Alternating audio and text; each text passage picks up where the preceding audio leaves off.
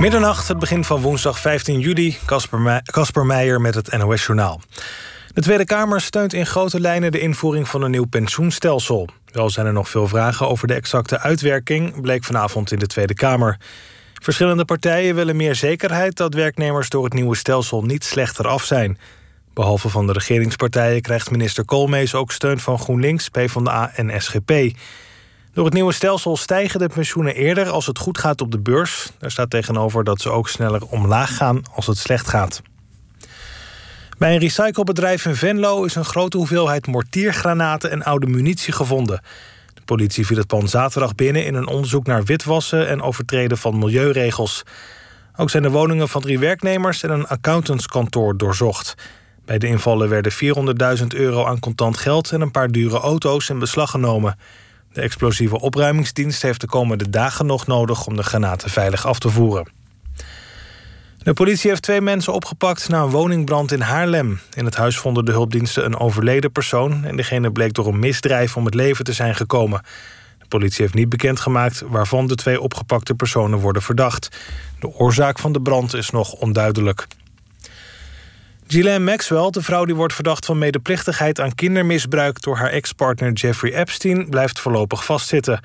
De rechtbank in New York wees haar verzoek af om tegen een borgsom van 5 miljoen dollar voorlopig vrij te komen. De 58-jarige Britse is vandaag via een videoverbinding voorgeleid bij de rechtbank in New York. Ze zei daar dat ze onschuldig is. Volgens justitie zou ze meisjes hebben geronseld voor seks met Epstein en andere prominenten. Het weer. Vannacht koelt het af naar ongeveer 10 graden. Lokaal kan een mistbank ontstaan. Morgen af en toe zon, maar ook een enkele bui. Het wordt dan 17 tot 20 graden. Dit was het NOS Journaal. NPO Radio 1. VPRO. Nooit meer slapen.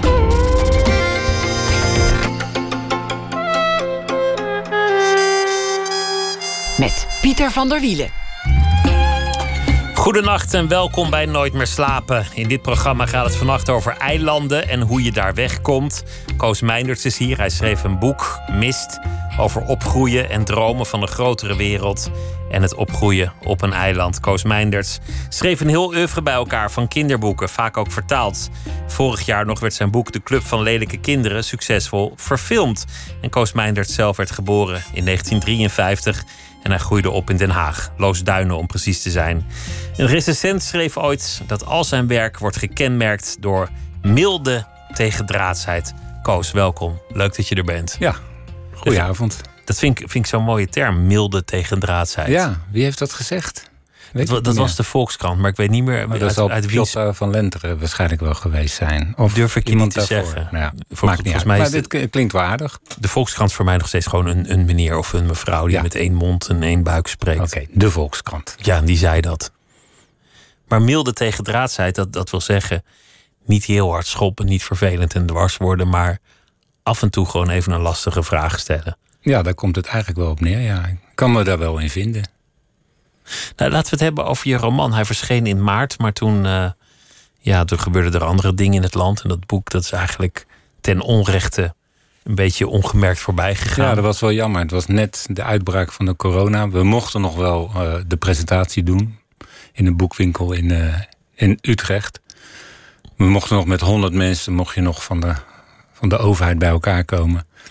En er, zouden een stuk of vijftig komen, maar het was zo'n kleine ruimte dat we dachten, ja, dat is niet verantwoord. Het is ook niet leuk, want iedereen gaat toch uh, op elkaar letten van, uh, is die niet aan het hoesten en uh, heeft die niet wat? En toch maar een beetje afstand houden. Dat zou dan zo bepalend zijn voor de presentatie dat we het maar hebben afgeblazen. En misschien gaan we het in de toekomst nog wel eens overdoen. Het is, het, is, het is een boek iets anders dan de boeken die voor zover ik weet, allemaal tot nu toe hebt geschreven. Echt een poëtisch boek. Een, hm. een, boek dat zich richt op volwassenen. En het gaat over een jongen die op een cruciaal punt in zijn leven staat. Hij heeft een meisje zwanger gemaakt. En nu moet hij eigenlijk kiezen van ja, dit wordt dan mijn leven waar ik ben geboren op dit eiland. Of is er misschien toch nog een uitweg? En die uitweg die lijkt zich aan te dienen in de vorm van een ander meisje. Ja. En hier stop ik met vertellen. Vanaf, vanaf hier moet, uh, moet het verhaal zich maar ontvouwen. Maar het is zo'n mooi thema, omdat je, dat iedereen op het punt staat van het nest achter zich laten ja, of blijven. ja, het eiland is ook letterlijk een eiland. Maar het is ook een beetje het eiland van je jeugd. Waar je opgroeit. En ja, dan kan je, sta je voor de keuze van...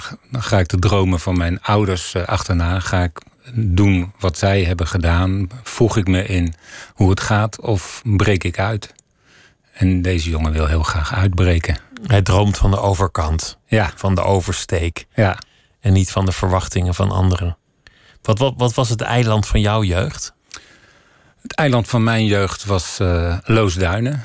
Uh, een, een, ja, het hoort bij Den Haag, maar was ooit een apart, uh, apart dorp. En ook wel met een aparte, ja, aparte mentaliteit. Het zat een beetje tussen het Westland in en Den Haag. Den Haag, dat noemden wij ook de stad. En als we dan boodschappen gingen doen in Loosduinen, ging je naar het dorp. Het was echt, echt ook een dorp. Mensen kenden elkaar ook. Wat aan de ene kant heel fijn was, maar aan de andere kant ook benauwend. Net als uh, Jacob uit, uh, uit Mist. De, benauwd door, benauwd, door waar hij opgroeit. Ja, ja, iedereen weet alles van elkaar. En dat, uh, dat, dat, ja, dat kan heel vervelend zijn.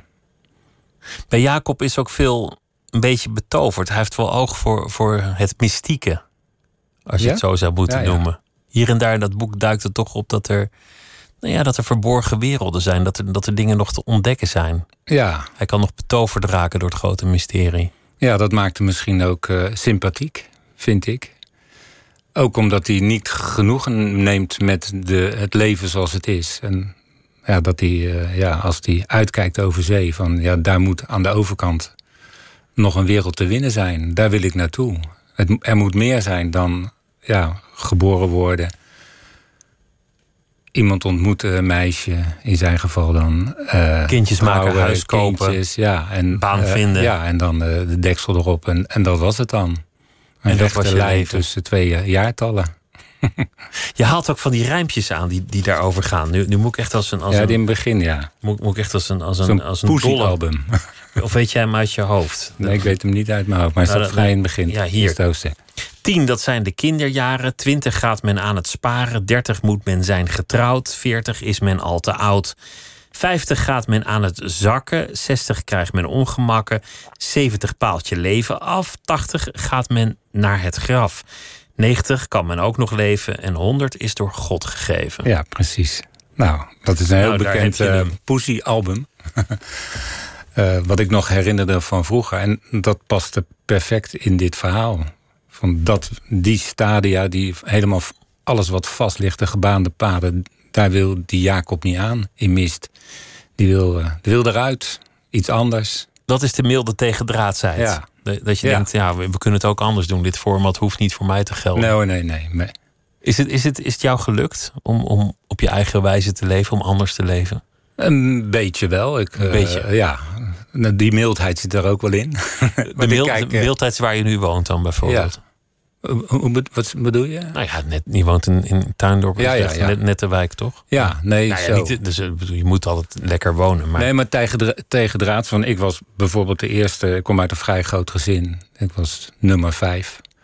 En ik was de eerste die niet getrouwd de deur eh, verliet van het ouderlijk huis. Maar ben gaan studeren en eh, ik wilde eh, op mezelf wonen. Ik wil vrij, wilde vrij zijn. eh, mijn eigen leven bepalen. Zelf nadenken over wat, wat ik wilde. En niet, nou ja, de gebaande paden gaan. niet, niet sparen voor een uitzet, zodat je van met het, iemand eh, anders... Twee stapeltjes hij en zij. nee, Je, je groeide wel op vlak bij zee, Ja. bij Loosduinen. ja. Dus, dus je, kon, je kon ergens over uitkijken. Maar wat was het moment dat, dat in jouw leven de horizon zich, zich verbreedde? Nou, dat is eigenlijk op de HAVO gebeurd. In de vierde en klas HAVO. Ik heb nog eh, eh, MULO gedaan. Of eigenlijk ULO, de driejarige MULO was dat. En dat was een vreselijk strenge school met alleen maar jongens. Een broederschool in, eh, in, in het Westeinde, in binnenstad van, van Den Haag. Nou, het voordeel daarvan is dat ik eh, eh, heel goed mijn talen heb geleerd. Heb geleerd. Eh, dat was echt goed onderwijs, stampen en rijtjes. En, maar ik vond er ge- geen moer aan. Echt helemaal niks. Dat was zo streng. Daar kon ik echt helemaal niet tegen. Ik was ook heel vervelend. Werd ook regelmatig geschorst. En toen kwam ik op de HAVO. Toen kregen we voor het eerst ook meisjes in de klas. En ook maar vier jongens. Dus die vier jongens klitten meteen bij elkaar. Waaronder een uh, Harry Jekkers was, die ik nog steeds uh, ken, met wie ik nog steeds bevriend ben en met wie ik nog steeds samenwerk. En ja, toen ging er eigenlijk, ja, klinkt er wel als een cliché, maar het luik naar de wereld ging open. Want toen uh, werd er gepraat over gedichten, over boeken ging je lezen. En, uh, echt over cultuur, dat, dat was het, het luik dat, dat was, dat was er helemaal niet. En bij ons thuis ook niet echt veel. We hadden wel een kastje waar wat boeken in stonden. Met uh, één titel, dat kan ik me nog herinneren. Dat vond ik heel mooi. Ik heb het boek nooit gelezen. Ik heb het wel meegenomen uit uh, toen mijn moeder overleed, mijn vader is al lang overleden. Toen mijn moeder overleed, mochten we allemaal wat kiezen. En toen heb ik gezegd, nou, ik wil dat kastje in ieder geval met dat boek. En dat boek heet De Zee laat nooit meer los. De Zee laat nooit meer los? Ja, dat is wel een prachtige titel. Ja. Maar ik heb het nooit gelezen. Ik ga het ook niet lezen, want ik ben bang dat er helemaal niks aan is. En, en nu is het nog een prachtig boek. Dat het onttovert? Ja, ja precies. Dat, dat, dat is altijd zo mooi. Dat je iets niet wil weten, omdat ja. het verlangen naar wat er achter dat mysterie zit mooier is dan, dan het antwoord. Let the mystery be. Dat is een prachtig nummer van Iris Dement. En dat is wel een van mijn lijfliedjes. Zo van ja, van niemand weet eigenlijk waarom je er bent en waar je naartoe gaat en wat, wat allemaal de zin van dit is. Maar gelukkig maar dat we het niet ja, weten. Ja, precies. Er zijn ook mensen die hun verjaardagscadeautjes niet uitpakken. Ja. Dat ze denken, nu, nu is het nog heel aardig dat je me iets geeft. Maar, maar straks dan, ja, dan vind ik het niet mooi, moet ik het ruilen. Ja, daar hebben we ooit een uh, liedje over gemaakt. De molenaar. Dat is van een arme molenaar. En die wil aan zijn vrouw uh, voor, ze, voor haar verjaardag een uh, cadeautje geven. Maar steeds ja, is er geen geld. Want dan houdt de wind op met waaien en dan kan de molen niet draaien, de meel niet gemaald worden. Of hij heeft altijd pech en op een dag uh, besluit hij, uh, uh, zegt hij van nou, alsjeblieft een cadeautje, mooi ingepakt. En dan gaan ze samen erover na zitten denken van wat zou er nou in zitten. Nou, zolang je het cadeau, het pakje niet openmaakt, kan er alles in zitten. En dan aan het eind daarvan doet zijn vrouw het in, in, in de kast, bergt ze het op. Toen zegt ze, als jij jarig bent, dan geef ik het aan jou. En dan verzinnen we weer een nieuwe inhoud erbij. En uiteindelijk zijn ze dood gegaan. Het geschenk is mee het graf ingegaan. En, ja, en dan eindigt het met wat erin zit. Vraagt er niet naar. Het gaat niet om de inhoud, maar om het gebaar. Klaar. het, het, is ook wel mooi met, met die uitleg die je net gaf van het, het mysterie van het leven. Ja. Je weet niet waar je vandaan komt, waar je naartoe gaat. Nee zoveel mensen die ermee bezig zijn om dat te ontrafelen of denken dat ze het weten of een van de leer aanhangen. Maar die snappen het eigenlijk allemaal niet. Nee, nee ik, eh, ik ben heel erg voor van let the mystery be. Je bent wel katholiek opgevoed. Ja. Wat, wat, voor, wat voor versie van het katholicisme was dat? Uh, nou, uh, nou, mijn moeder was katholiek omdat ze katholieke ouders had. Dus heel erg in die traditie. Die stemde ook KVP uh, uh, om die reden. Maar mijn vader die was meer... Ja, die wilde toch wel wat meer verdieping. Die heeft ook wel met de stille omgang meegelopen in Amsterdam. En die ging ook wel eens op uh, retraite. Misschien ook wel omdat hij het drukke gezin wel eens zat was. Dan kan ik me ook wel wat bij voorstellen. Acht kinderen, ja. En dan ging hij het klooster in? En dan ging ja, een, een weekendje en die stille omgang, wat was, was dat dan precies? Ja, dat is uh, jaarlijks uh, in het voorjaar. Uh, dat heeft weer met het mysterie van de hostie te maken. Ons lieve Heer op zolder. Dat er een brand was en de hostie bleef nog heel. En dat is ook een beetje katholiek. Het zijn ook verhalen, het is theater. Een wonder, een, teken wonder, van God. Ja, ja, precies. En dat sprak mij als kind heel erg aan, moet ik zeggen. En ik weet nog wel, toen ik eerst de heilige communie deed... Dan mag je voor het eerst ook meedoen aan het uh, avondmaal. En dan krijg je de hostie.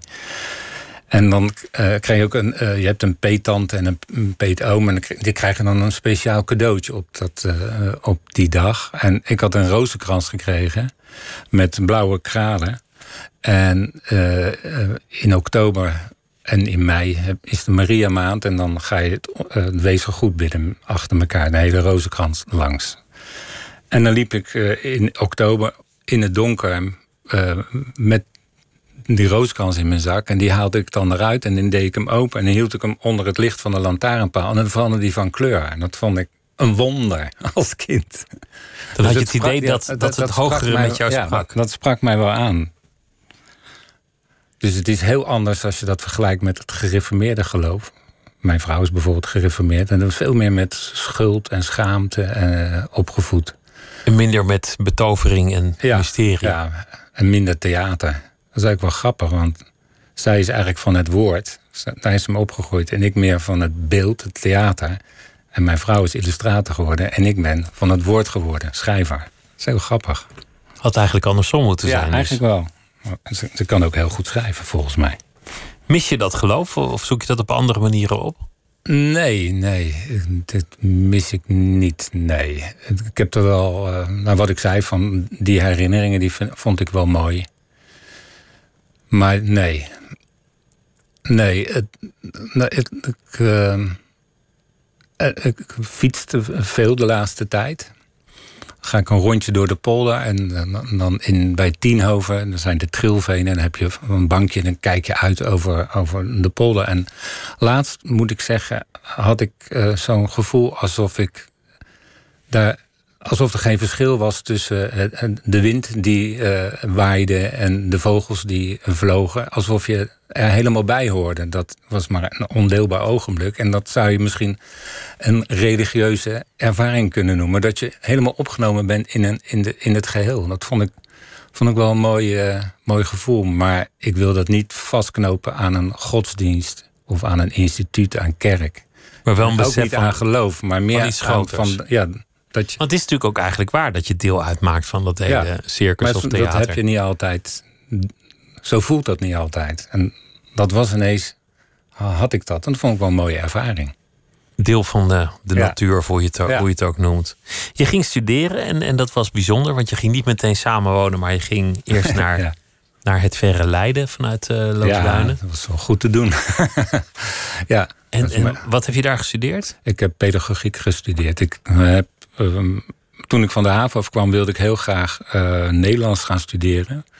Maar mijn eh, lijst met cijfers was dermate slecht dat ze me zelfs op de avondopleiding niet wilden hebben. Van er wordt niks. En toen ben ik eerst uitzendwerk gaan doen. En dat werd ik eigenlijk een beetje zat. En eigenlijk, mijn moeder die vond het ook maar niks. En maar halve baantjes en zo. En heeft me ooit nog ook ge- geprobeerd om bij de Belastingendienst eh, Te parkeren. te, te parkeren. Want mijn neef die had daar zo'n goede baan met goede vooruitzichten. En om haar een, eh, een, eh, een plezier te doen, ben ik een keer eh, op sollicitatiegesprek geweest bij het, in het belastinggebouw. Wat later een kraakpand werd, de blauwe aanslag. En dat gesprek vergeet ik nooit, want dat was een hele aardige man van personeelszaken. En die zat zo'n beetje naar mij te kijken en te luisteren. Hij zei: Jij wil helemaal niet bij de belastingen werken. hè?" Hij zegt: Wegwezen, wegwezen. Die man heeft je leven gered. Die heeft mijn leven gered, anders had ik nu. eh, Anders zat je daar al heel lang, ja, wellicht. in, in de verkeerde. In een verkeerd leven waar je Ja. dan niet meer echt uitkomt. Want je hebt een hypotheek en, en het is toch je Ja. salaris. En, Ja, precies. En ach, als je En een beetje aanpast, alles wendt. en dan een leuke vakantie, dan kan je er wel weer even tegenaan. Je, je, je ging uiteindelijk in Utrecht wonen en daar duikt Harry Jekkers weer op. Ja, Met wie je in Den Haag al bevriend was. ja die eh, kwam ik in de vierde klas van de haven tegen. Ik kwam van de Muller, hij kwam van de MTS. Hij was een paar jaar ouder. En wij, wij kwamen in een klas terecht met, eh, voor het eerst met meisjes, tenminste ik dan. Ik kwam van een jongensschool af. En, en vier jongens. En nou, wij klitten natuurlijk eh, meteen eh, bij elkaar. En Harry was er een van. En nou, die had wel dezelfde interesses als ik, eh, muziek. En, en, en dan muziek, vooral dan de tekst. En humor ook wel. want Jullie deden Ook, wel heel erg ja. humor, denk ik. En dat is eigenlijk altijd gebleven met tussenposes. Hij ging in Groningen studeren en later kwamen we weer bij elkaar in Utrecht. eh. En toen zijn we echt gaan werken. Jullie, jullie zijn een, een café begonnen met, met een soort ideologische grondslag.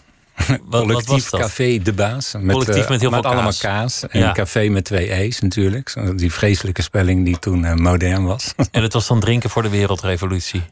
Daar kwam het wel op neer, ja. Wat- Wat was dat voor plek? Nou, het was een, een, een, een, een café eh, waar eh, zo'n twintig vrijwilligers werkten. Die in ploegen achter de, eh, achter de bar stonden en bier verkochten. En we zijn vrij snel ook met eten serveren begonnen. Wij verdienden daar zelf niks mee. Al het geld wat er overbleef ging in een grote pot. En daar gingen we dan leuke dingen mee doen. En of eh, fijne linkse al- al- alterne eh, initiatieven mee, mee steunen. Dat hebben we een tijdje gedaan. Wat waren dat voor initiatieven? Nou, er was eh, eh, Journalistencafé bijvoorbeeld. eh Journalistencafé Utrecht, waar onder andere Ger Jochems, ook een vriend van vroeger, en Kees Oud Grimbergen. VPRO-collega. ja, en George Vogelaar. En een landbouwcollectief, een biologisch dynamisch landbouwcollectief, die eh, geld. eh waren een soort subsidiënt eigenlijk. Al die mensen die je nu noemt zijn, zijn goed terechtgekomen uiteindelijk. Ja, ja, ja, zeker. Ja, verbazingwekkend raar is dat. Het is een goed jaar waarschijnlijk geweest. Maar jullie gedachte was niet minder dan de wereld veranderen en verbeteren. Ja, Een echt idealistische Ja. grondslag was het. ja, ja. En daar, daar is het ook begonnen, eh, het schrijven. Want in die tijd schreef je al columns samen met, met Harry Jekkers. Ja, voor de humanist heb ik eh, een tijdje columns geschreven. Eh, we hadden ook een eigen tijdschrift, De Onderste Steen. Spreekbuis van het verzwegen Utrechtse nieuws. Dat is wel een mooie titel. Goed, hè? Ja. En daar, daar schreef ik eh, wat journalistiek-achtige artikelen... maar al gauw ook een beetje literair-achtige columns. En daar is ook bijvoorbeeld Theo begonnen. Dat was het eerste boek dat ik samen met Harry Jeks heb geschreven. Theo of de lotgevallen van een geëmancipeerde man.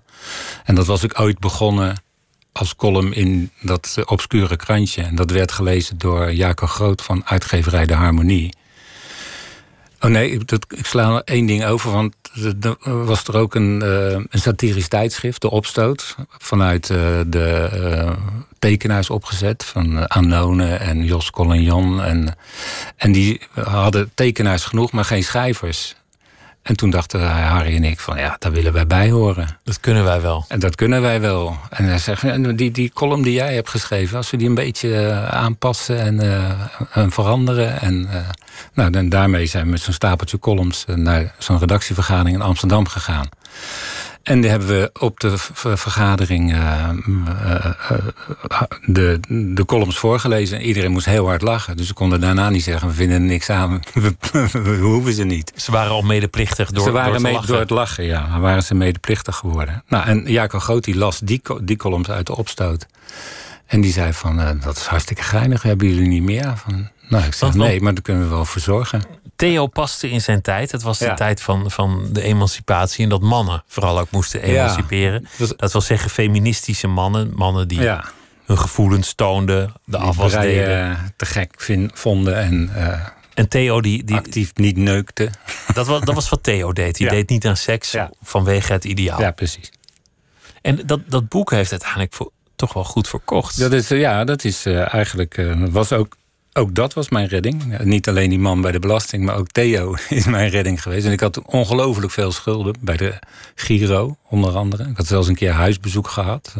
Van wanneer ga je ze ophouden met wanneer- rood staan? Ja, precies. Van, eh, kunnen we niet een eh, eh, afbetalingsregeling afspreken? Want hij zei van, hij zat zo om me heen kijken. Ja, kijk, nu ben je nog alleen. Maar stel, je komt een leuk meisje tegen en het wordt serieus.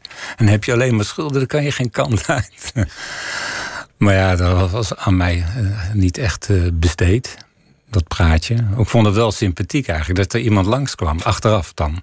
vond ik dat wel sympathiek.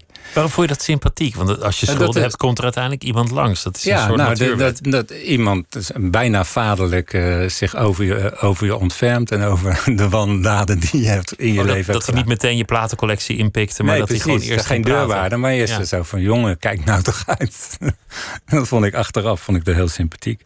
Maar doordat eh, Theo een enorme bestseller werd, want er zijn iets van 90 honderdduizend exemplaren in vrij korte tijd verkocht. Zo, daar, kan, je, daar kan je een tijdje van leven. Ja, dan had ik ineens heel veel geld. Dus heb ik eerst... Mijn moeder had ik ook nog wat, wat geld bij uitstaan. En wat cafés in, uh, in de omgeving. Die kon je allemaal je betalen. rekening betalen. En wat vrienden die uh, nog geld van me kregen. En de Giro kon ik ook in één keer af, uh, aflossen. En hier we ook nog geld over. En van het voorschot voor het tweede boek konden we nog naar Zuid-Spanje om naar het tweede boek te gaan schrijven. Ik vind het zo'n mooi beeld dat je dan die cafés afgaat waar ze je al heel lang niet hebben gezien. En dan in cafés had je, had je altijd zo. Sommigen die hadden het ook zichtbaar voor de, voor de rest van de cliëntele. De lat. De lat. Of de zwarte lijst of de rode lijst. Of, of dan had je soms nog een, een lijst boven de lijst van helemaal erge wanbetalers. dat dan de hele cliëntele kon zien. Koos heeft zijn rekening niet betaald. Ja, het komt toch goed met hem. Foei Koos. oh, niet betaald. Ja, ik dacht uiteindelijk Maar je kon betalen. Dat, dat moeten ze dan ook even vermelden uiteindelijk. Maar Harry Jekkers, hoeveel hij ook gedaan heeft... Is, is toch vooral bij het grote publiek bekend vanwege zijn liedjes. Ja. Vanwege de muziek. Ja. Was dat ook iets dat jullie bond? Ja, hij was echt van de muziek en ik was uh, ja, van de tekst. Uh, van de woorden. van de woorden. En als jullie in het café zaten, dan, ja. dan ging het daar ook over? Ja, ja, ja. ja, zeker. Ja, op een gegeven moment uh, studeerde ik, maar dat was eigenlijk meer een smoes om. Als iemand vroeg, wat doe je? Nou, ik studeer wat dan. Ja, dat. Uh, en verder, dan was het gesprek afgelopen, want dan was het oké. Dan had je reden van bestaan. Dan was je daar vanaf. Ja, dan was je daar vanaf. En Harry die was op dat moment um, leraar Engels en vond hij eigenlijk niks aan. En toen dacht ik van ja, waarom gaan we er eigenlijk mee door? Van, uh, ik, ik, ga mijn collegekaart inleveren. Want ik had in de Volkskrant een, uh, een berichtje gezien dat ze een prijs vragen om een filmscript te gaan schrijven. En ik zeg, dan gaan we dat doen, een jaar lang. Kijken of dat lukt. En dan heeft hij, hij is gestopt met leren Engels zijn. En toen zijn we een jaar lang gaan schrijven. En dat was om te kijken of we het konden. En of we dat ook met z'n tweeën konden.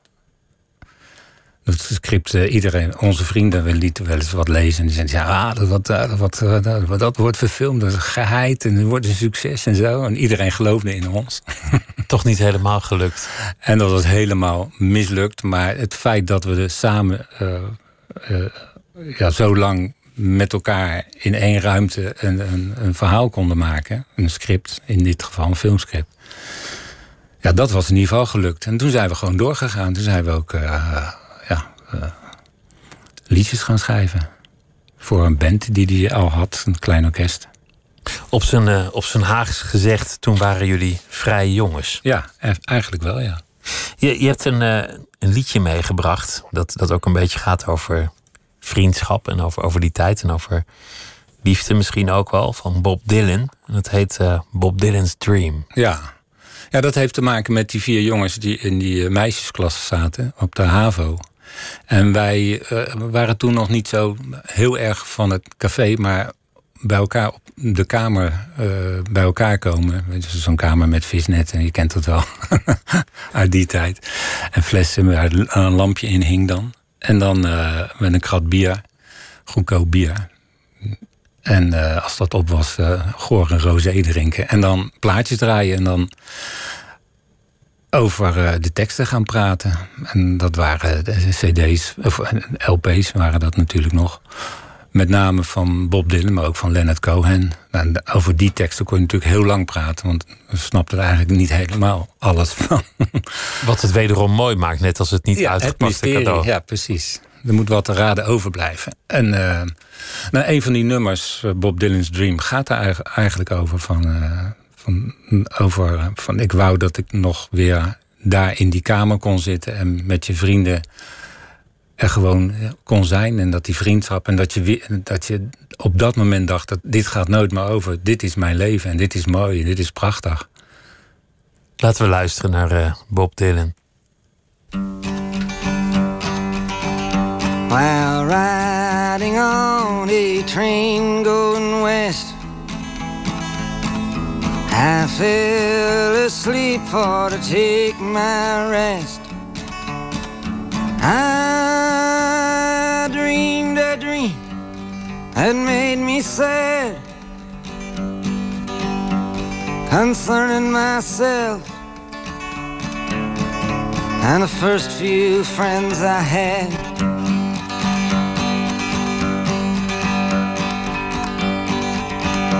With half damp eyes, I stared to the room where my friends and I'd spent many an afternoon. Well, we together weathered many a storm, laughing and singing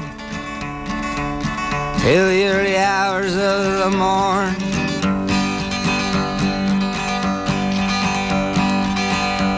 By the old wooden stove, our hats was hung. Our words was told, our songs was sung. Well, we longed for nothing and were satisfied. Joking and talking about the world outside.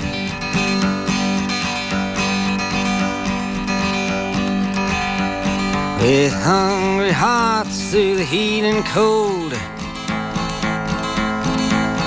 We never much thought we could get very old.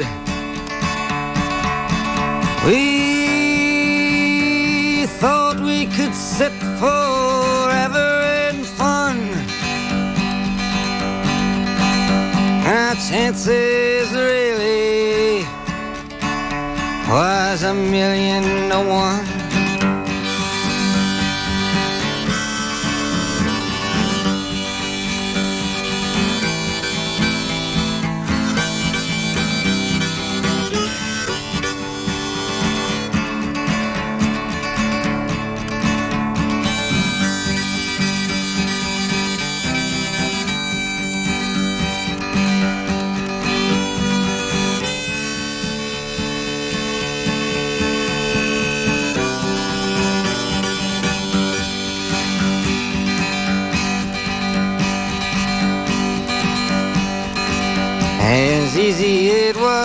Was black from white. It was all that easy to tell wrong from right.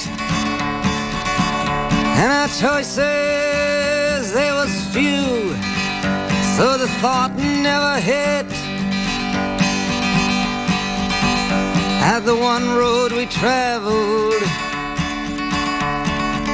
we'd ever shatter or split.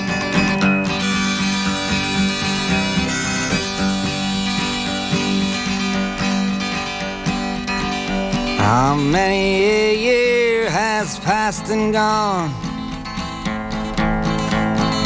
Many a gamble has been lost and won, and many a road taken by many a first friend, and each one I've never seen again.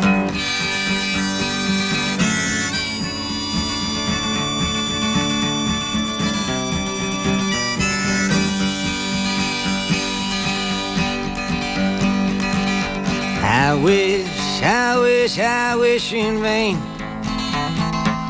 that we could sit simply in that room again. Ten thousand dollars at the drop of a hat.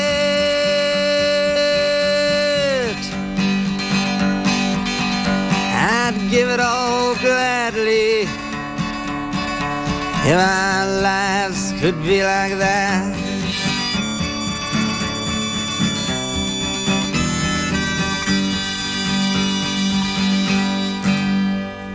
Bob Dylan bezingt de kamer waar hij als uh, jongeman zat met zijn vrienden. De wereld was nog overzichtelijk en helder. Tijd was er in overvloed, sterfelijkheid bestond niet. Bob Dylan's Dream. Koos Meinders nam het mee. Hij heeft een boek geschreven, Mist.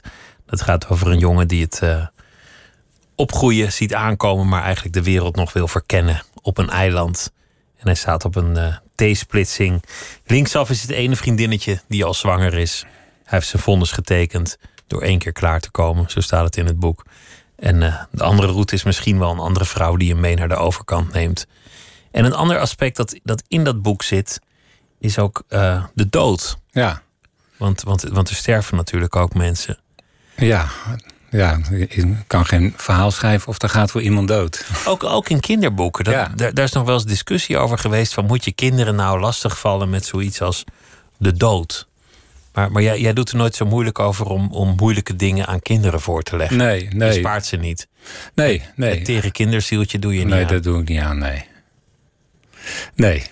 Nee, zoals ook in eh, Naar het Noorden, eh, een boek eh, wat zich afspeelt in de Tweede Wereldoorlog. Dat begint eigenlijk met een bevalling, maar die maar uitloopt op een geboorte van een meisje, wat maar twee minuten heeft geleefd. geleefd twee minuten zusje genoemd wordt. En verderop gaan er ook mensen en kinderen in dood. Ja, Bij jou komt het, komt het er gewoon in. Sterfelijkheid is altijd deel van wat jij schrijft. Ja, ja, eigenlijk wel ja. En ik denk wel dat het te maken heeft met de eh, vroege dood van mijn vader. Die is, eh, want dat nummer van net van, van we dachten niet dat we eh, oud konden worden. En je, bent je, je bent onsterfelijk op, op die leeftijd. En daar kwam wel plotseling een eind aan toen mijn vader longkanker kreeg. Net als de vader van Jacob in Mist overigens. Hoe oud was jij toen? Ik was 19. Dus net het moment dat je het huis uit, uit zou gaan. eigenlijk. Ja, ja, ik ben nog een jaartje langer thuis gebleven. Ik was toen eh, eh, de oudste van de, van de kinderen. De rest was getrouwd en de deur uit. En toen ben ik nog wel een jaartje bij, me, bij mijn moeder gebleven. Want ik was tegendraads, maar toch een beetje mild. Dat was het milde. Ja. Dat was het milde. Maar daarna ben ik wel gegaan. En mijn moeder heeft me ook laten gaan. Dus ik weet niet of ze de, het, het helemaal snapte en, en waarom. En eh, wat doe je, moet je dan in je eentje? maar ze hebben me wel laten gaan. En dat was de intrede van sterfelijkheid in jouw bestaan. Ja. En ik denk dat, nou, die, die heeft er wel behoorlijk ingehakt. Dat dat toch altijd wel, hoe mooi ook en fijn en eh, prachtig alles is. Dus Er zit er altijd een beetje een onderstroom in mijn verhalen. En dat heeft denk ik wel daarmee te maken. Denk Waar- ik. waarom fascineert het nog steeds zo? Ja, nou ja, goed. Het is, het is toch een raadsel dat we er zijn. En eh, waarom je als je toch eh, doodgaat? En eh, ja, maar stel dat je niet dood kon gaan, hebben we ook nog, wel, ook nog wel eens een verhaal over geschreven. Over de koning die niet dood kon gaan en dan de dood laat opsluiten. En dan gaat alles maar door. Dan is er ook niks aan. Ik bedoel, dood heb je ook nodig om het leven zi- eh, zinvol te maken. Om er enige urgentie aan ja, te verlenen. precies. Want anders gaat het maar door. En er is helemaal niks aan. Saai, vervelend. Dus leven de dood. Zo eindigt het ook. leven de dood, riep het volk dolgelukkig. En ze leefden nog lang en stierven gelukkig. Soms zou ik er toch naar verlangen dat het eeuwig duurde. Of, of in ieder geval Ja, nu een wel, paar ja. eeuwen langer. Ja, ik zou wel eens willen kijken, ja. Over honderd jaar. Hoe de wereld er dan uitziet. Interessant toch? Ja, zeker. Maar uiteindelijk denk ik dat het toch wel fijn is als er een eind aan komt. Maar nu nog even niet. Ja, jouw boek De Club van Lelijke Kinderen. Daar, daarin eh, spaar je de kinderen ook weer niet voor, voor de, de kwade kant van de wereld. Een dictator komt aan de macht. Ja, dat is eigenlijk mijn enige politieke kinderboek. Uitgesproken politieke kinderboek. Het gaat over discriminatie en uitsluiting, ja. Op een heel grappige manier. Ik, ik zat die, die film te kijken eh, deze week, omdat dat ik wist dat je kwam en ik had hem nog niet gezien. Het boek is al van langer geleden. Ja, dat is uit Maar- 87, ja. Heel lang Maar het is ineens heel actueel. Ja, nu, met het racisme. Ja. eh, nou ja, ik hou niet van de term racisme-debat. Maar, maar goed, nu. Daar hoeven we niet over te debatteren. Nee, nee, precies. Maar, maar nu, het, nu daar veel over gaat, dit, dit past daar feilloos in. Ja. Ja, Het thema, want, want het gaat dan over lelijke kinderen. En afhankelijk dan wordt er nog wel meegewerkt. Ja. Ja, ach ja, zo mooi waren ze niet. Dus, ja dus laten we die En maar. Ik heb geen kinderen, ze zoeken het maar uit. Van mijn Afvoeren. nemen ze alle kinderen mee. En papa heeft eindelijk werk, dus doe Ja. nou niet zo moeilijk. Ja, en, precies. en de koffie is goedkoop onder deze dictator. En dan langzaamaan komen de kindertjes met flaporen en haaststanden ook in opstand. Ja, Je doet daar veel verwijzingen in, bijvoorbeeld naar de, de Tweede Wereldoorlog of Ja. de dwaze moeders. De dwaze moeders van Argentinië, ja. Nu zullen veel kinderen dat niet meer weten, die dwaze moeders. Maar ja, dan eh, maakt het op zich niet uit. Dan zijn het gewoon dwaze moeders die eh, het niet pikken dat eh, hun kinderen worden opgepakt. En als ze dan nog eens met de volwassenen daarover praten, met hun ouders of op school, nou, dan kan dat er ook nog bijgehaald worden. Maar tenminste, ik denk dat het mooie van het boek is dat het voor jonge kinderen gewoon een spannend avontuur is. Van worden kinderen opgesloten, dat is gemeen. Twee ontsnappen dat is fijn. en uiteindelijk krijgen die de, de kinderen los. De andere kinderen. Maar als je wat ouder bent en je kijkt naar het jeugdjournaal, en je, eh, dan haal je er wel wat meer uit dan alleen maar een grappig, spannend verhaal. Het kan op twee niveaus worden gelezen. Ik denk dat dat ook een beetje de kracht van het boek is. Dat wist ik niet toen ik dat schreef. Ik schreef het gewoon. Ja, Als een leuk verhaal, als een, als een leuk spannend verhaal. ja, Maar het, het is een mooie manier om uit te leggen hoe uitsluiting werkt, hoe stigmatisering werkt ja. En, en hoe eng het kan worden. Ja. Ja, en ik, nou, ik, heb- wat ik al zei, het is in 87 geschreven. En, eh, en het is nu weer actueel, maar het is, eh, om de zoveel tijd is het actueel. eh, Het blijft maar terugkeren. dat ik denk thema. ook dat het actueel blijft. Wat was voor jou het, het vertrekpunt toen je, toen je daaraan begon? Nou, dat is eigenlijk een mislukt verhaal. Ik wilde eigenlijk een, een, een verhaaltje schrijven. Ik zeg het in het verkleinvorm, want dat, dat moest het ook worden. Over kinderen die een eigen club oprichten. Dat leek me leuk en het moest dan een gekke club zijn. En eh, toen dacht ik, eh, nou, wat is nou eh, een, een, rare club om op te richten? Een club van lelijke kinderen. Want die mooie kinderen hebben altijd... eh, die kunnen overal terecht en wij lelijkaards niet. Dus we gaan. eh, nou, nou, die gingen dan reglementen opstellen van alleen lelijke kinderen mogen lid worden. En toen had ik ook een regel verzonnen als schrijvend, en dat was een beetje stom. Dat was van de lelijkste wordt automatisch voorzitter van de club. Nou, die kinderen kregen zulke verschrikkelijke ruzie. Over wie er lelijker was. dat is een soort omgekeerde werelddiscussie. En zij kwamen er niet uit, maar ik als schrijver kwam er ook niet uit. Ik kon moeilijk het verhaal eindigen met van... eh, maak het verhaal af en kleur de plaatjes. En Ze maakten nog langer en gelukkig ruzie. Toen heb ik het weggelegd en eh, jaren later kwam ik dat nog eens tegen... over dat mooie en lelijk, omdat het ook nog wel iets is wat speelt op, eh, op, op het plein en in scholen. Weet je wel, elkaar eh, de maat nemen van hey, dikzak of eh brillenjood of weet ik veel wat. Dacht ja, het is toch wel mooi. En toen bedacht ik, nou stel dat er een land zou zijn waar iemand de baas is en die zegt van ik weet wat mooi en lelijk is. Alles wat lelijk is, weg ermee, opsluiten. En dan sterft het vanzelf uit en houden we een land over. Met alleen maar mooie mensen. In wezen hebben dat soort landen bestaan. Ja, Segregatie is in wezen niets anders dan dat. Nee. Nou ja, als schrijvend kwam, eh, kwam dat er ook steeds meer in. Vandaar die verwijzing naar de dwaze moeders. Of in het eerste zin van het boek is een verwijzing naar de kindermoord van Herodes uit de Bijbel. Het gebeurde in die dagen dat er een bevel uitging. Om alle lelijke kinderen van het land op te pakken. Waardoor het meteen grappig wordt. Weet je? Het begint van een bevel uitging van. Dus een- Dat, dat schrijven voor kinderen is, is eigenlijk bij jou de, de ideale vorm gebleven, gebleken. Want je hebt het het meest gedaan, maar, maar je, kunt, je kunt al die milde tegendraadsheid ontzettend mooi, mooi kwijt in die vorm van een kinderboek. Ja, ja. Dat is waar. Dat, dat, eh, dat kan, kan je in kinderboeken, kun je in kinderboeken heel goed, eh, goed kwijt. En ik denk ook wel dat ik het altijd wel doe als ik een verhaal schrijf. Voor kinderen. Maar in feite is, ja, doe ik dat ook met, heb ik met Mist eh, ook gedaan. Of bij eh, boeken voor wat ouderen.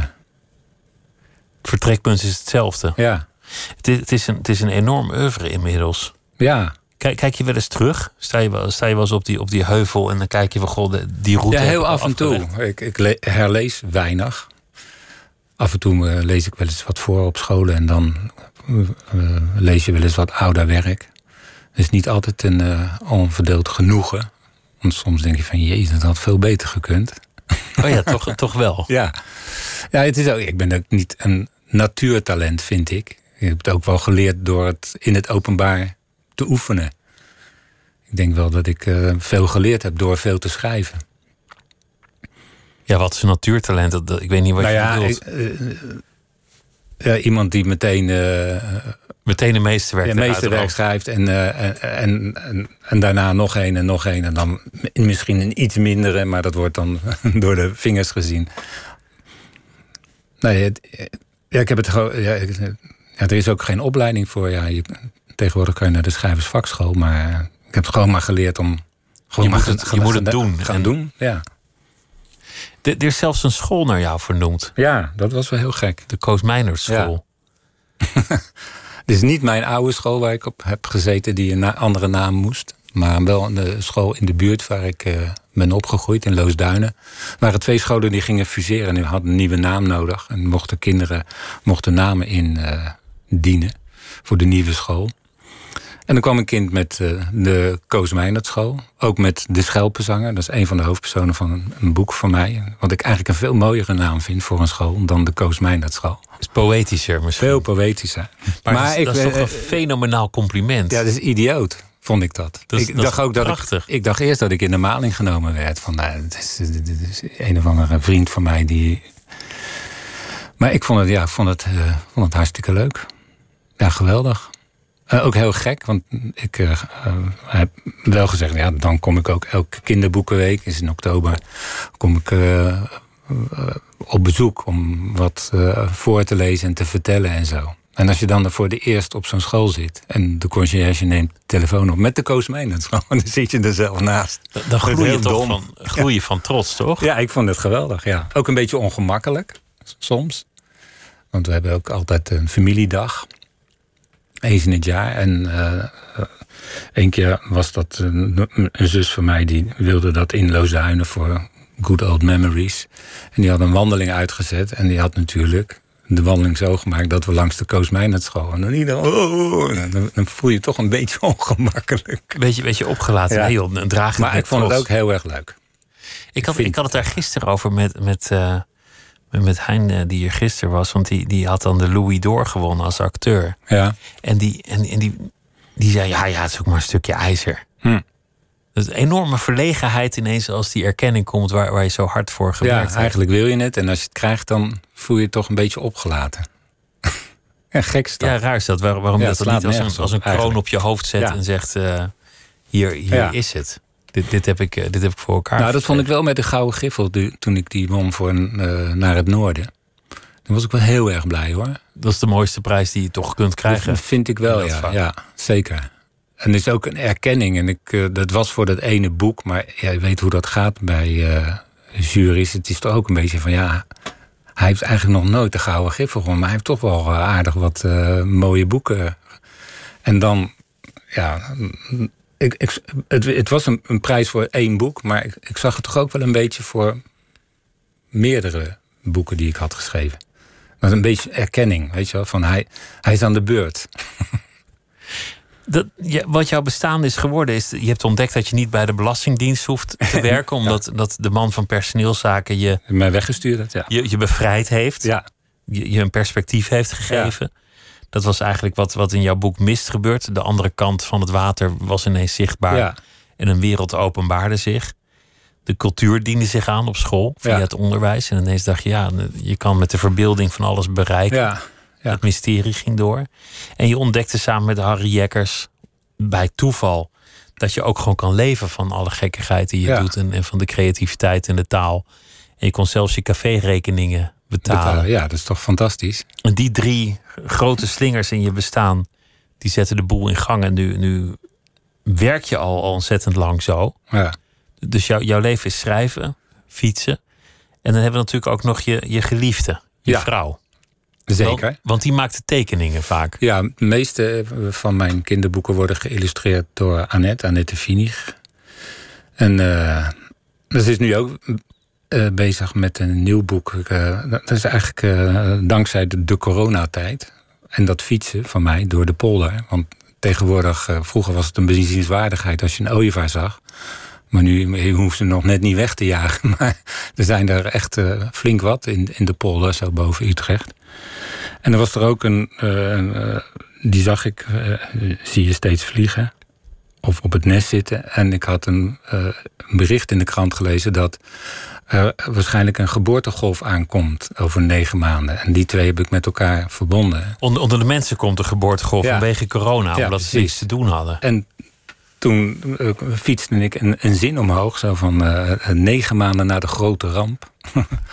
We kon eh Ooievaarscentrale, Eiber en Co. het werk niet aan. dus die hebben, hebben het ongelooflijk druk met het kinderen bezorgen. En ze hebben het zo druk dat ze een gepensioneerde ooievaar invliegen. Stork. Maar ook zijn geheugen is met pensioen. Want hij weet na een kwartier al niet meer waar het babytje eh, Is hij het adres kwijt? is het ja, hij weet niet waar hij het moet af. Hij gaat maar op goed geluk. En dan komt hij eerst bij een kattenvrouwtje. Nee, als het een jong poesje is, vind ik het oké. Maar een kind, ja, pff, moet er niet aan denken.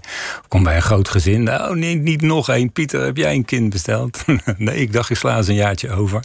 Hij komt bij de koning terecht. Die vraagt, is het een jongen of een meisje? Het is een, het is een meisje. Ja, we hebben er al vier. eh, Gaan we... en komt bij twee mannen terecht. Ik moet niet alles verklappen natuurlijk. Hè? Het is ontzettend leuk wat je nu vertelt. Ja, Ik vind het ontzettend geestig. ja. Maar, maar het is dus ook gewoon dat je, dat je gaat fietsen. ja maar dat fietsen is zo een- goed voor... En je kijkt op een bankje, je ziet een ooievaar en je denkt... Ja. Goh, Ja, nou fietsen, ja, de, eh, Anton Korteweg, de dichter. Die eh, dat is ook een verwoed fietser, of hij was het in ieder geval. En eh, die heeft heel wat eh, gedichten omhoog gefietst. En ik vind het ook heerlijk om te fietsen en je gedachten alle kanten uit te laten gaan. En er is altijd wel iets. Het kan een zinnetje zijn of een idee, zoals met die ooievaar. Ja, waar je weer mee verder kan. En dan herken je meteen een goed idee. Het is nooit een twijfel of het, of het wel gaat werken, of het, of het ook lukt. Mm, Nou, dat laatste kan zeker ge- gebeuren. Dat je denkt dat het een heel goed idee is en je gaat schrijven en eh, het blijkt toch niet zo goed te zijn als je dacht dat het was. Maar bij die ooievaar wist ik, nou, dit is. Ik heb ook meteen de uitgever gebeld. zo van, ik heb Ik nou heb een geweldig idee. Als jullie het niet doen, ga ik naar een ander. Ik ben wel benieuwd of het waar is van, van, die, eh, van die geboortegolf. Omdat natuurlijk ja, ik vraag het ook. eh, eh, ik weet ook niet of het zo is hoor. omdat alle ongebonden mensen die mochten niet naar het café Ja. en die konden elkaar niet opduikelen. Nee. En, en al die singles die, die deden het drie maanden niet. Ja. Dus, dus zeg maar alle. Wat Ik weet ook niet of het waar was, maar eh, het is eh, leuk om aan te nemen dat het zo is. Het was altijd het verhaal van de stroomstoring in New York Ja, in precies, 1973. ja. Ja. Dat daar een, een enorme piek uit eh, tevoorschijn zou zijn gekomen. Dat, dat was het, het grote verhaal. In, in jouw boek is, is dat eigenlijk de keuze van, van gooi je dat anker uit of, of wacht je nog even? Ja. Ga je settelen voor dat bestaan of, of niet? Is, is, is er ooit een moment van twijfel dat het nog bij jou terugkomt van wat als ik die andere paden had gekozen in mijn leven? Nou ja, daar denk je wel eens aan, ja. Eh, Ik bedoel, ja, het leven is wat, wat je hebt, is toch een beetje de gerealiseerde mogelijkheid. Maar er zijn, waren natuurlijk veel meer mogelijkheden. Sommige mooie, mooier, sommige minder sommige mooi. minder mooi, ja, ook. Het, eh, ja, ik, ik kan, ik, het had ook zo kunnen lopen dat ik in Loosduinen was gebleven. En eh, dat ik, eh, ik, ik was nogal actief in de voetbalvereniging. Dat ik daar eh, een bestuursfunctie in had, omdat ik gestudeerd had. En ook nog eens pedagogiek. Dus, nou, Of misschien was je wel met- spits geworden ja, ja, van het Nederlands elftal. ja, dat had wel mooi geweest. Maar, maar jouw, jouw, het, het leven van jouw vader is in die zin veel tragischer. Want, want hij is jong gestorven. Ja. Ja, hij heeft En- eigenlijk altijd eh, ongelooflijk hard moeten werken. Soms ook wel twee banen om dat eh, om ons eh, ja, te eten te geven. En schone kleren en nou, om voor zijn gezin te zorgen. En ja, hij is eigenlijk ja, midden in, in een zin overleden eigenlijk. achter een komma en niet achter een punt. Niet aan het eind keurig, netjes. gewoon middenin. En, net toen ik eh, eh, naar de middelbare school ging, was het, werd het allemaal wat makkelijker met geld. Je had veel meer, eh, er kwam ineens geld. We kregen ook ineens een douche. En er werd een nieuwe gasstel werd er gekocht en een nieuwe koelkast. Dus het leven werd Makkelijker. makkelijker. En ja, ik ben nu ook vader en mijn zoon die heeft het nu moeilijker. Dat is heel eh, raar. Moeilijker dan jij het gehad nou hebt. ja, vind ik wel, ja. ik bedoel, ik kreeg gewoon alle tijd en ruimte om te studeren of niet te studeren, maar ingeschreven uh, te zijn. Zoals, uh, hoe heet dat? De, de, Olympische gedachte. Inschrijven is belangrijker dan deelnemen. En dan tien jaar studeren en, en ja, nooit, precies. nooit en, en niet eens maken. afmaken. Ja, precies. En er zit veel meer druk achter. En nou ja, probeer maar eens een huis te kopen nu. Of, uh... En je hebt al studieschulden en dat soort dingen. Ja. Maar, maar jouw vader heeft zich misschien wel indirect of direct doodgewerkt. Ja, ja, kapot gewerkt zouden we kunnen zeggen. Hij had het ook, voordat hij longkanker kreeg, had hij het ook aan zijn rug. Hij is geloof ik twee of drie keer aan een hernia overleden. En dat kwam echt uh, door dat harde werken. Ook misschien wel dat het zijn rug bij geboorte al niet uh, geweldig was. Maar dat harde werken heeft natuurlijk niet uh, echt geholpen. Dat is echt belachelijk dat, dat je dat nog hebt meegemaakt. Weet je, mijn vader is begonnen als turfsteker in het Westland. Later tuindersknecht geworden. En, en voor zijn gezin gekozen om uh, maar uh, bij de plantsoenendienst te gaan werken. Want dan was je ambtenaar. Dan verdien je wel wat minder. Maar uh, je had vastigheid. Ja, en ik kon gewoon vlieren fluiten. En kijken wat ik... dit is proberen en dat is proberen en zo. In die zin gaat dit boek ook over jouzelf. Ook, ja, zeker. Ja. En over jouw leven en, en Ja. jou als jonge man Ja. op het eiland Loosduinen. ja, in feite wel. Ja. Dat is, was mijn En, en eiland, zien mijn- wat je voorland is als je, als je het niet, niet anders gaat doen. Als je niet kiest voor, voor je eigen pad. Ja. Als je Ja. niet naar de overkant durft te kijken. Ja, iemand zei van, eh, van ja, Jacob heet niet voor niks Jacob, want dat is mijn naam. Dat is, had ik helemaal niet door. Ik heet Koos, maar katholiek. eh, eh, Heel veel namen. Ja, ja, Jacobus, Petrus en ook Maria natuurlijk. Wij heten allemaal Maria. Alle broers en zussen heten als laatste naam Maria. Maar ik heet dus Jacobus, dus, maar ik had eigenlijk helemaal niet het idee dat Jacob... dat dat naar mijn eigen naam verwees. Maar dat is natuurlijk zo. Moest iemand anders zeggen. Idioot is dat, hè? Grappig. Jacobus Koos kan zijn. Ja. Want, want, want Jacob die heeft, heeft eigenlijk een beetje spijt dat hij dat meisje bezwangerd heeft. Terwijl, terwijl jij volgens mij altijd wel hebt genoten van, van kinderen en vaderschap en dat soort dingen. Dus, dus daar Ja, lopen de twee wel uit elkaar. Ja, zeker, ja, ja. Maar ik moet er ook niet aan denken dat ik toen ik 17 was, dat ik dan iemand bezwangerd had. Dan had ik eh, wel Spaans benauwd gekregen. D- daar zijn ook boeken en films over Ja. voorge- volgeschreven. Mensen die dan op de vlucht slaan Ja. of eh, ineens met een valse baard het café uit, eh, uit rennen. Om, omdat ze moeten maken dat ze er vandoor Ja. gaan. Want zo was dat vroeger Ja. natuurlijk. Ja, zeker. Als je dan niet uitkeek, dan, dan had je je leven getekend. Ja. Wat je zou, ja, was je, zoals in het boek staat, in een fuik gezwommen waar je niet meer uit kon. Hij heeft gelukkig nog een maas weten te vinden. Zo'n boek over Weg. de ooievaar. Jij schrijft de Ja. tekst en je, en je vrouw maakt de tekeningen. En dan, dan geef je haar ook artistieke vrijheid. Ja, ja, ik moet absoluut niet tegen haar zeggen van die zo moet of hier en daar- moet een, hebben ze ongelooflijke schurft aan. Dus dan tekent ook voor anderen. En ze hebben dus van Duitse uitgevers, ook voor Duitse uitgevers eh, getekend. En die gingen echt zeggen van, eh, eh, denk aan de lachende gezichtjes. Rechtsboven moet een zonnetje staan. Dan heeft ze altijd zin om allemaal zagrijnige kinderen in de regen te tekenen. Nee, dat is ook, die, die moet je gewoon de ruimte laten. Anders moet ik het zelf gaan doen. En dat dat is voor niemand leuk als ik, als ik ga tekenen. Het lijkt me wel een wankele balans als je, als je thuis aan hetzelfde boek werkt, maar allebei met artistieke vrijheid. Ja, nou, we zijn inmiddels wel gewend. En, eh, Jullie hebben het vaker gedaan. inmiddels. ja, precies. En natuurlijk, eh, eh, ik ben nogal, als, als ik wat geschreven heb, dan wil ik dat graag voorlezen al, aan Annette. En, en die heeft ook wel eens, eh denk van, hm, dat zie ik al, dat hoef ik niet eens te zeggen, maar ik zie het aan de gezicht van, nou, zeg van, daar, daar is wat. Hè. Ja, ik, eh, ik haak aan dit. En, en vaak heeft ze wel gelijk. Zijn het wel dingen waarvan ik zelf ook toen ik het schreef van, nou, het is nog niet helemaal goed, maar dat komt nog wel. En dan haalt zij er feilloos uit. En als zij wel eens een eh, illustratie laat zien. En dan zeg ik ook, nou, ik vind het toch, toch niet helemaal. eh, Je bent er nog niet. Nee. En het zijn ook vaak dingen waar zij zelf ook al aan zat te denken. Zo van, ja, man, ik hoop niet dat hij het ziet. Of zo, weet ik klinkt, eh, klinkt ontzettend leuk. Ja, nee, is hard, ik ook hartstikke geinig. Ja.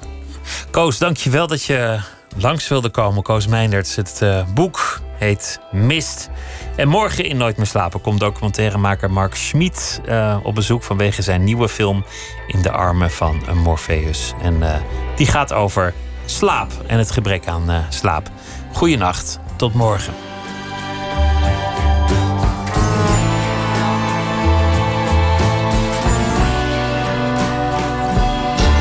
Op Radio 1, het nieuws van alle kanten.